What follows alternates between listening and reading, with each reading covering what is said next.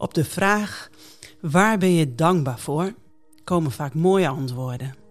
Zoals mijn familie, vrienden, gezondheid, vrijheid en thuis. Waarom hoor je eigenlijk nooit iemand zeggen: Ik ben dankbaar dat God, mijn hemelse Vader, mij opvoedt? Ik ben blij dat Hij me bijstuurt en waarschuwt. Ik ben Hem dankbaar voor zijn nee, doe maar niet. Of kijk, je moet het eigenlijk anders zien. Zou de terechtwijzing en bijsturing niet ook een heel goed antwoord zijn op de vraag: waar ben je dankbaar voor? Elke keer als we Gods woorden horen of lezen, vertelt Hij ons levenslessen, richtinggevend voor jou en mijn bestaan.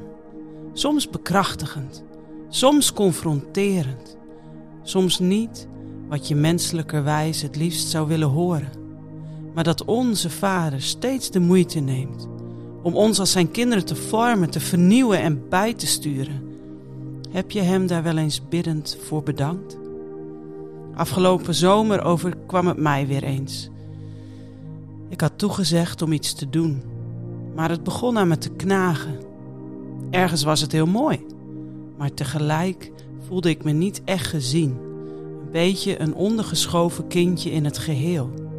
Het voelde niet helemaal eerlijk of zo. Niet oké. Ik raakte mijn innerlijke vrede kwijt en voelde frustratie. Steeds meer begon ik vanuit pijn te denken over de situatie. Ik had het erover met mijn man Erik.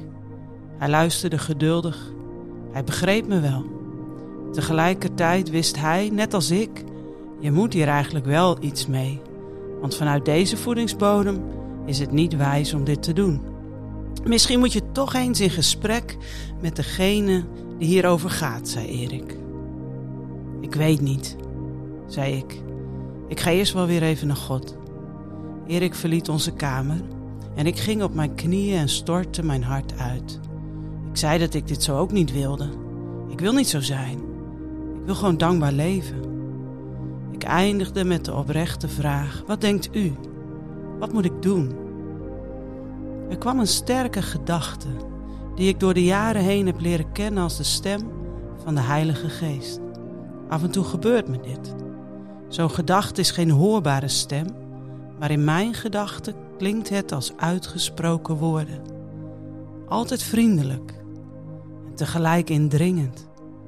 Het zijn vaak woorden die op dat moment niet passen bij mijn eigen gedachtegangen. Ze komen daar als het ware met kracht in. Soms is het bevestigend, soms confronterend, altijd bedoeld om me verder te helpen. Ik heb je dit gegeven, klonk het in mijn hart. Het was mijn vader die tegen mij zei: Lieverd, je kijkt er verkeerd naar. Zo moet je het allemaal niet zien. In die woorden, ik heb je dit gegeven. Dus God heeft mij dit gegeven. Niet zozeer mensen vanuit hun overwegingen. En ergens weet ik dat wel, maar de pijn had het naar de achtergrond verdrongen. Bleek ik zomaar in gesprek te zijn met degene die erover gaat. In deze woorden klonk indirect ook de vraag: Wil je dit dan ook uit liefde voor mij doen? Ja, dat wil ik.